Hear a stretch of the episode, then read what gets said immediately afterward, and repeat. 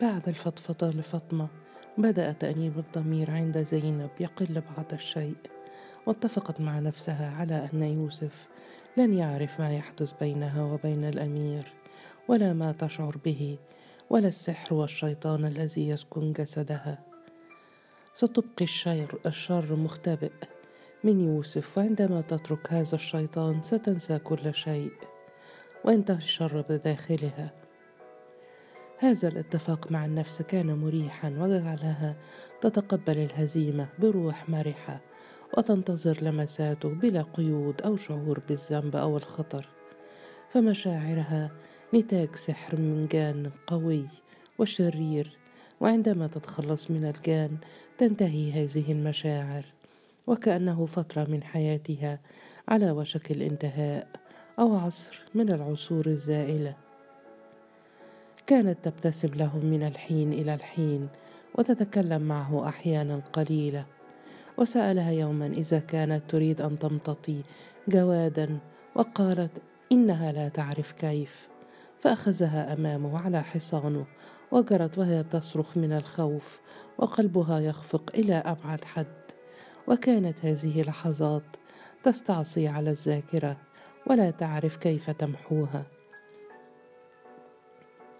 ومرة أخرى كانت تساعده على الاستحمام فشدها إلى الحوض الكبير بملابسها وصرخت وضحكت وبادلته قبلته بلا قيود ولكنها كانت تتساءل ليلا كل يوم متى تنتهي هذه الغمة؟ ومتى تعود إلى حياتها التي تعرفها؟ أسى الهزيمة لم يتركها ولم يمهلها كثيرا لتقف وتفهم. وحجب الروح أصبح صعبا هذه الأيام وأصبحت تراقبه بفضول السجين في سجن مظلم ليس به سوى سجان واحد يأتي أحيانا. علاقته برجاله كانت منظمة وواضحة وكلماته معهم كانت كلها بالتركية والعيون تنظر إليه في تبجيل وتنتظر أوامره في خشوع وبدا لها أنه اعتاد إعطاء الأوامر طوال عمره واعتاد تهذيب النفوس وترويض التمرد لدى الرجال والنساء. أخافتها نظراته الساكنة الطويلة لها ولغيرها والركفة التي تراها في يد من يعمل عنده أو معه. كلماته كانت قليلة وعلاقته بجنديه كانت تستحق أن تدرس في الكتاتيب. يفهمون ما يريد من نظرة واحدة وينكبون على عملهم بلا سؤال أو استفسار. كثيرا ما تساءلت ماذا يتوقع منها وماذا يريد وهل سيمل لها قريبا؟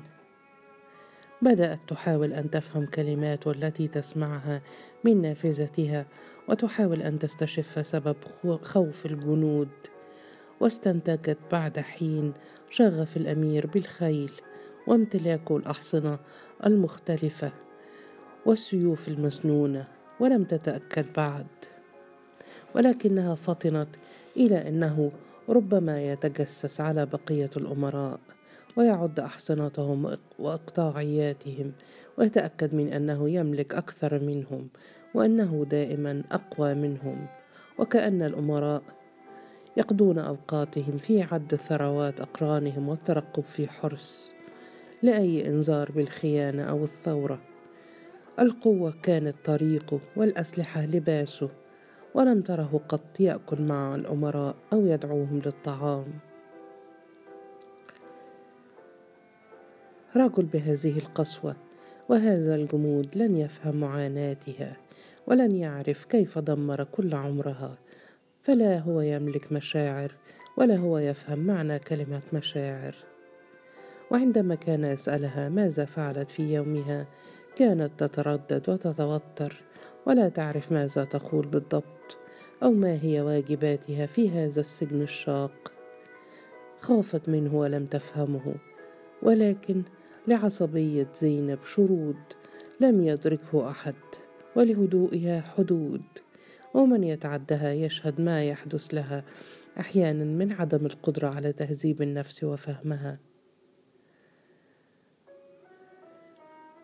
وجود سارة ونظراته لها وكلماته لها بالتركية كانت لا تدري لماذا تستفزها ربما لأنها تشعر أن سارة هي سيدة الدار وأنها هي الجارية أو ربما لأنها لا تفهم ما يحدث بينهما ولا عما يتكلمان.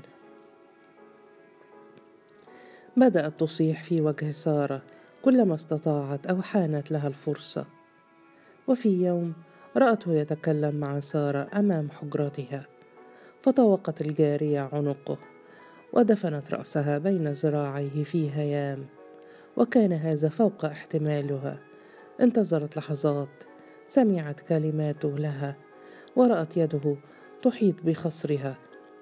وأيقنت زينب حينها أن معاملة المماليك للنساء كانت تختلف من وجهة نظر زينب كل الاختلاف عن معاملة العامة لنسائهم. فيبدو أن زوجها كان يتصرف معها وكأنها بضاعة قطعة قماش يجربها ويتزين بالحرير مرة والكتان والقطن أحيانا. ظلت عيناها مسلطتين عليهما حتى تركها الأمير واتجه إلى حجرته ولم يلاحظ وجود زينب. ولا أن فورة زينب وعصبيتها كانتا من السمات المصاحبة لها منذ الصغر. اتجهت بخطى ثابتة نحو سارة وقالت بالعربية سارة لديك عمل تقومين به في هذا القصر تفهمين؟ تنظيف وطبخ والكثير من العمل. ابتسمت لها في استياء ثم قالت أقوم بكامل أعمالي يا مولاتي. فقالت ليس بكاملها بعضها فقط. الأعمال التي لا تخصك فقط. من صاحب هذا القصر؟ أنا أنا سيدتك. وأنا أقول أنك تحتاجين إلى تدريب الكثير من التدريب. من الغد ستذهبين معي إلى المطبخ لأدربك. قالت في فتور معذرة يا مولاتي لا أعمل في المطبخ. لكل منا اختصاصاته في هذا القصر. فقالت كل منا أنا وانت مثلا متساويتان انت هنا تحت أمري جاريتي. قالت في هدوء جارية الأمير يا مولاتي. فتحت زينب فمها في فزع وقالت تتحديني؟ تجرؤين على أن تتحديني؟ انت لا شيء في هذا القصر.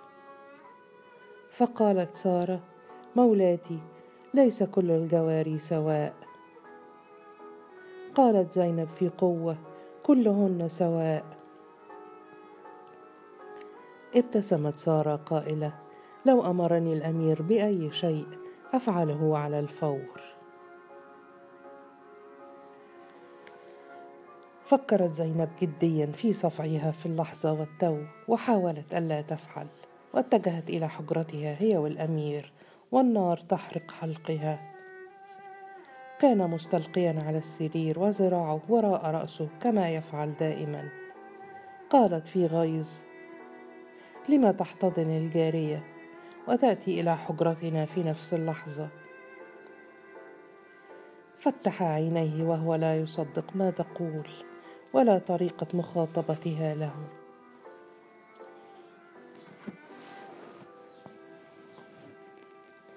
قالت وهي تحاول السيطرة على نفسها. مولاي الأمير اعذرني ولكن رأيتك تعانق الجارية ولا أفهم لماذا تفعل هذا.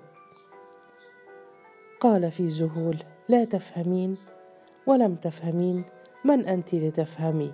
هذا قصري أعانق من أشاء وأفعل ما يحلو لي. جننت أم ماذا؟ قالت في عصبية وهي تجلس على السرير. مولاي الأمير لن أبقى في بيت واحد مع هذه الجاهر الجارية. نظر إليها في شيء من الدهشة لجرأتها في فرض شروطها وقال سارة ستبقى. هذا بيتها. قالت والكلمات أشعلت الغضب بداخلها. أرحل أنا إذن. فقال تهدديني؟ قالت والغضب أعمى بصرها. ستقتلني. أعرف أنها ستقتلني. تريدها أن تقتلني؟ فقال لا أحد يجرؤ على مس زوجتي في هذه الدار. اطمئني. قالت في تحدي إن كنت تريدها فطلقني اذن فتح عينيه ودهشته تزداد. ثم قال في تأكيد هل فقدت عقلك؟ قالت في صرامة لن أبقى معها في بيت واحد. فقال أنت لا تقررين شيئا هنا يا زينب هذا ليس بيت والدك التاجر هذا بيت الأمير. فقالت له إن كنت تحبها فلماذا تزوجتني؟ ولماذا تتعمد اذلالي لماذا تفعل كل هذا؟ قال في صرامة لا أريد أن أسمع صوتك ولا أريد كلمة في هذا الموضوع. قالت مرة أخرى وهي لا تسمعه لن أبقى معها في بيت واحد.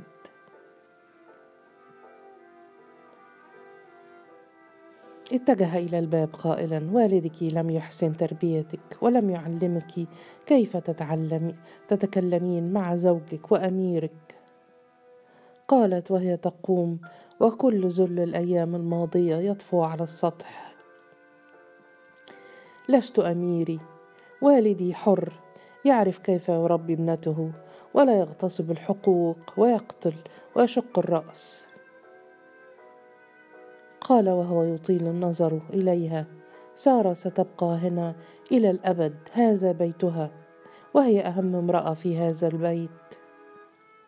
قالت في قوة وهي تنظر إليه بالطبع أفهم. فسألها ماذا تفهمين؟ قالت أفهم هذه الأيام البائسة التي تولي العبيد على الأحرار ليتحكموا في مصائرهم ويفضلوا عليهم عبيدا آخرين. أمسك بذراعها ونظر إلى وجهها برهة وكأنه يحاول استيعاب ما تقوله. ووقع ما قالت يحوم حول نفسها. لا تعرف كيف نطقت هذه الكلمات ولا تعرف هل سيقتلها في التو أم بعد حين.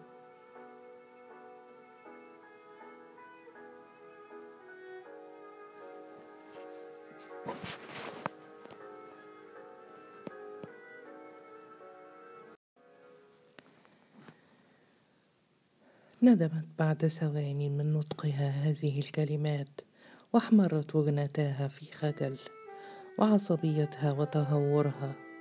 رفع يده وهوى بها على خدها في قوة.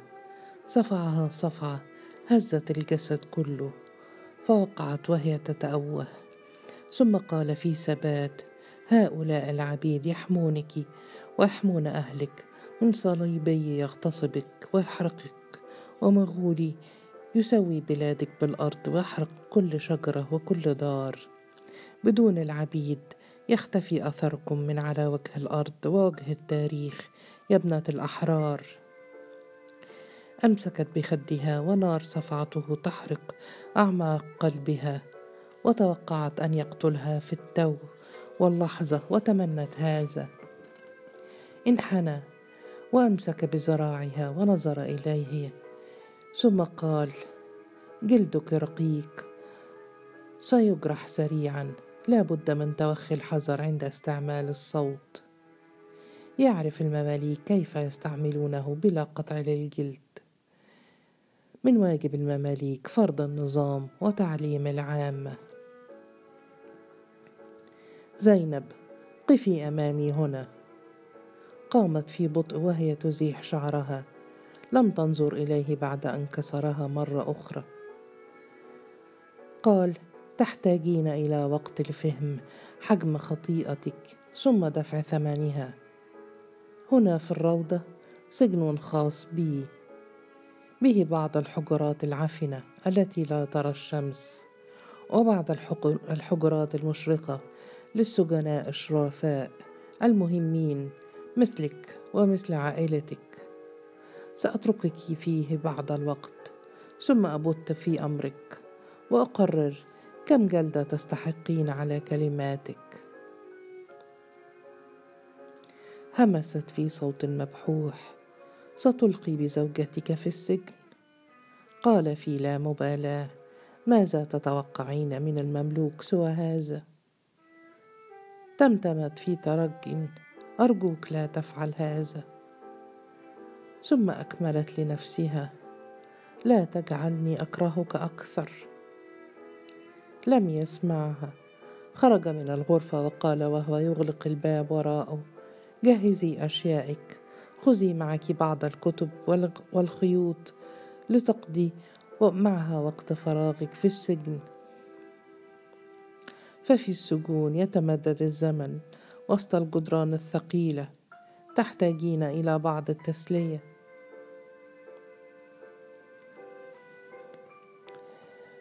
عندما جرتها أم خليل إلى السجن كانت صامتة والهوان طعمه مختلف اليوم ولكنه موجود منذ رأته عيناها.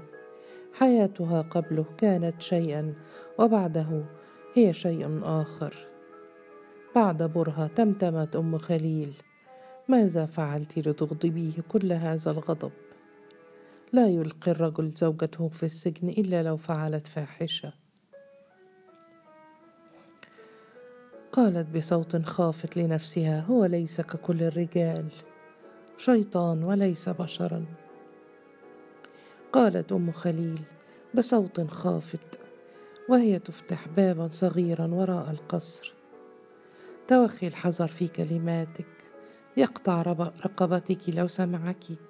هو صبور معك.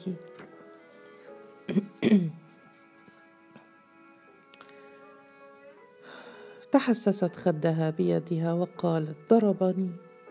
فسألتها بالصوت فقال ضربني على وجهي أريد أن يعرف أبي هذا ويذهب إلى السلطان. فسألتها ومن يخبر والدك؟ قالت أنت أنت يا أم خليل أعطيك كل ما تطلبين. فقالت يقطع رقبتي لأنا لو عرف لن أستطيع. نظرت إلى الحجرة المتواضعة والملاءه التي على الأرض وقالت لا أستطيع البقاء هنا. تقهقرت السيدة والكلام مع زينب يخيفها ثم قالت سآتي لك بالطعام كل يوم. ثم أغلقت الباب وسمعت زينب صوت المفتاح الكبير. دفنت رأسها بين يديها وهي تلعن اليوم الذي ولدت فيه. والذي ضحت فيه بنفسها لتنقذ كل الرجال في العائلة. واليوم الذي أصبحت فيه تحت رحمة هذا المملوك. صدق يوسف عندما قال إنهم قتله وفجار وإن التخلص منهم واجب مفروض. لو ثار العامة لو ثار العلماء لو صارت هي اولا.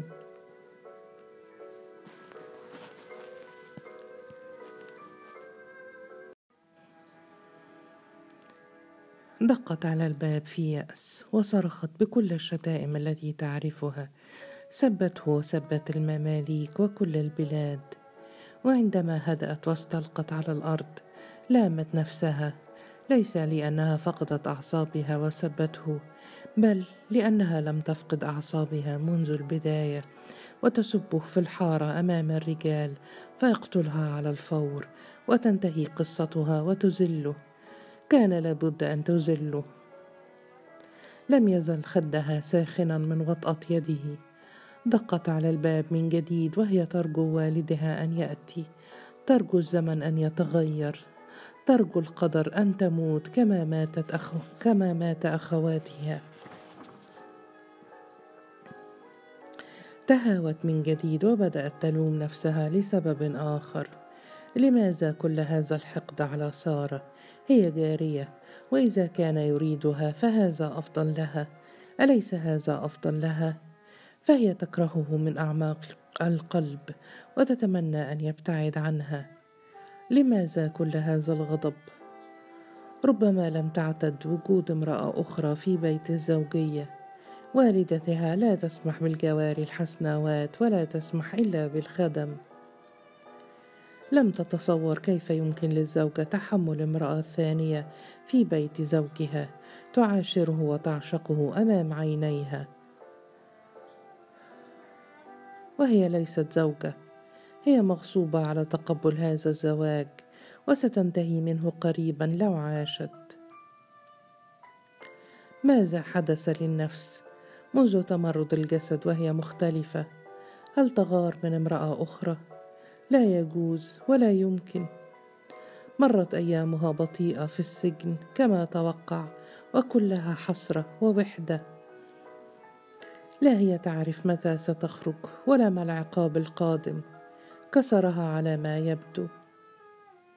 في الأيام الأولى كانت تنظر إلى تنتظر أم خليل لتعرف منها كل الأخبار وتطلب منها أن تخبر والدها.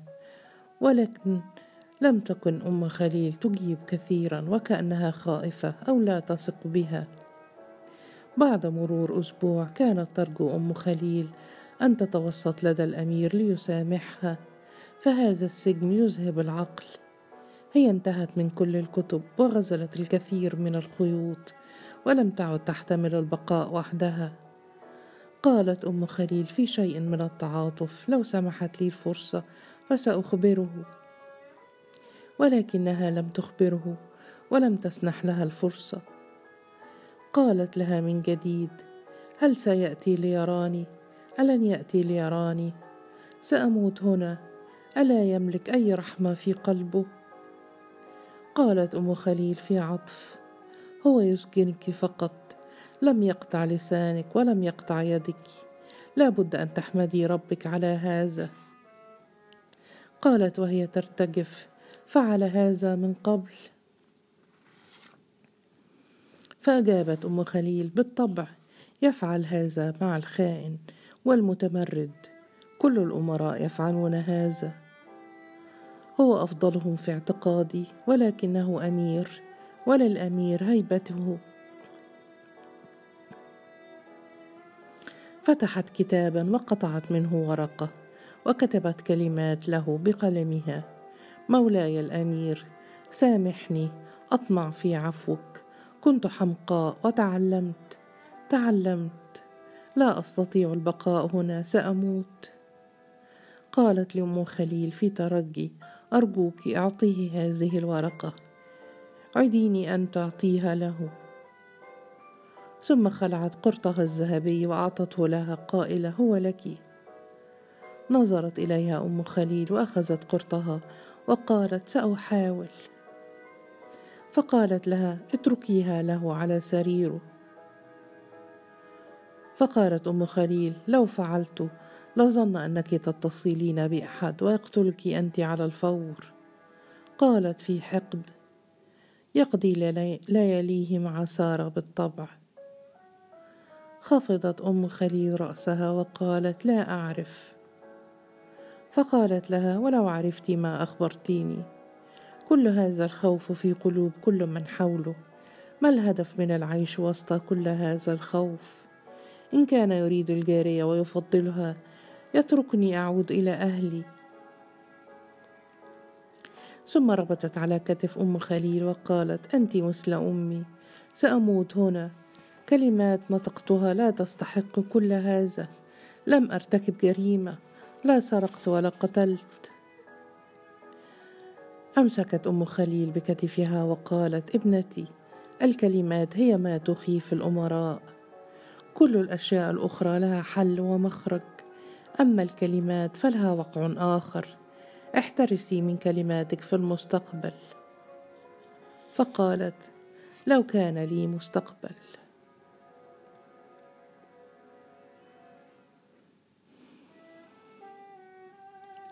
ليلا خرج كل الغيظ والحقد الذي بداخلها ولعنت المماليك العبيد ومن أتى بهم وتصورت حياتها الرغده الجميله تحت حكم المغول والصليبيين مجتمعين.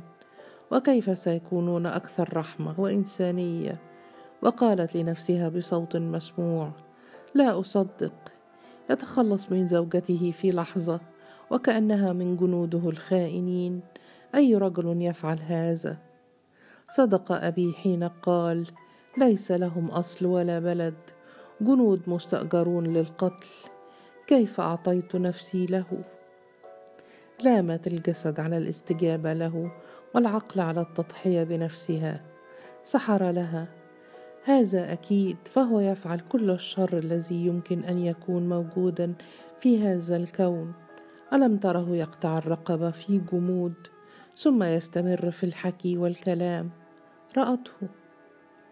من لا يحركه الموت؟ لا يحركه أي شيء.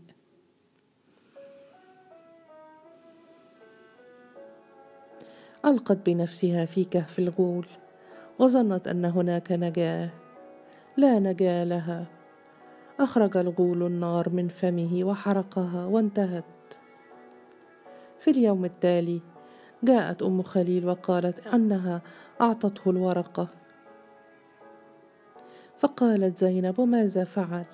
فقالت قرأها ثم ألقى بها ولم يتكلم. فقالت تكذبين علي لما تكذبين؟ فقالت أم خليل أقسم لك أنني أعطيتها له.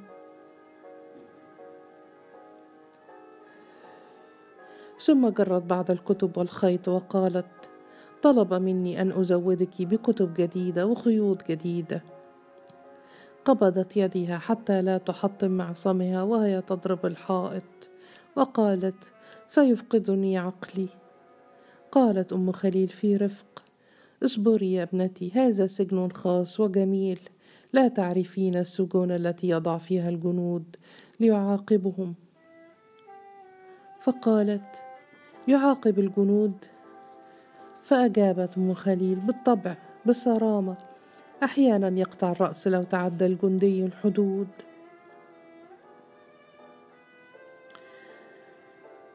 قالت كنت أظنه يملك قلبا يشعر ناحيتي بأي شيء أي شيء ولو شفقة. قالت أم خليل في حزم ابنتي. التوسل للأمير ليس جديدا عليه. كم سجينا يتوسل في اعتقادك؟ الأمراء لا يحركهم التوسل بل ظني أنه يعرف بالضبط متى ستتوسلين ومتى ستكونين على استعداد لتقبل ضربات الصوت لتنقذي نفسك من المكث هنا. السجون هي لعبتهم وملهاهم تفهمين؟ فسألتها يعرف أنني سأتوسل وأطلب عفوه؟ قالت ويتوقعه. قالت في يأس لا أمل لي.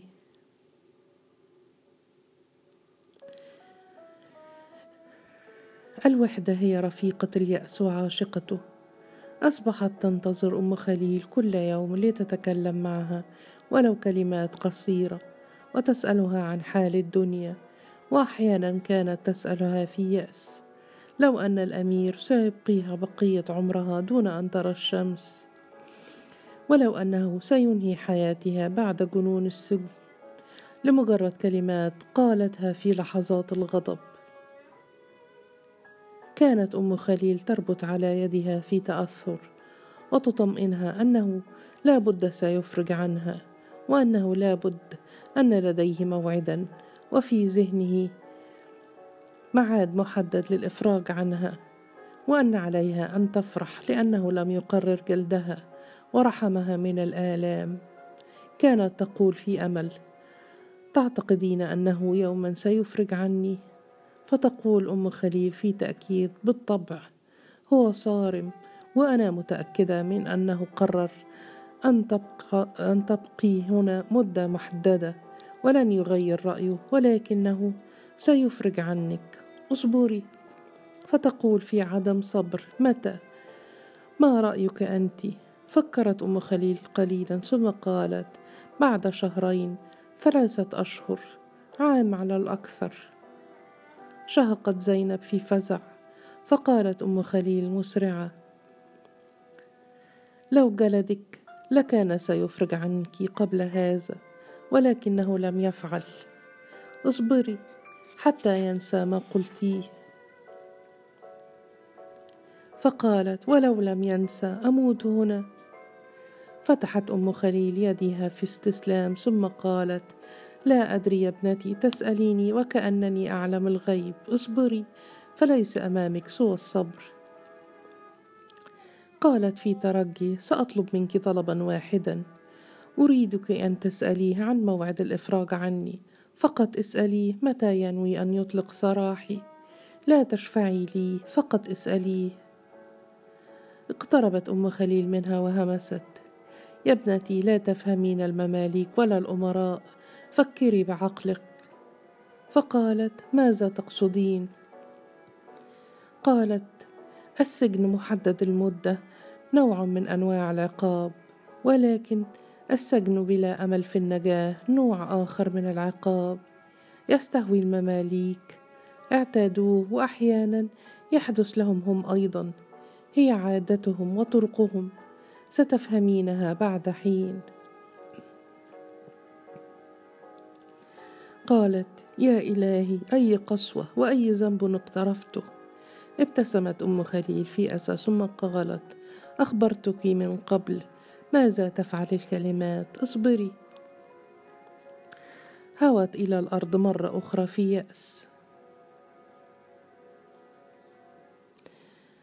وبعد مرور ما يقرب من شهر دخلت عليها أم خليل في ميعاد مختلف ووراءها بعض الجنود وقالت حظك جميل أو تعس لا أدري.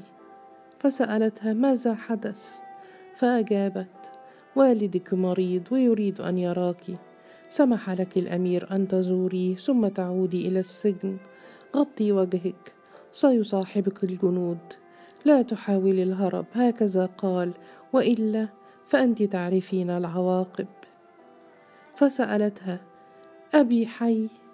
فأجابت هو حي ولكنه مريض جدا.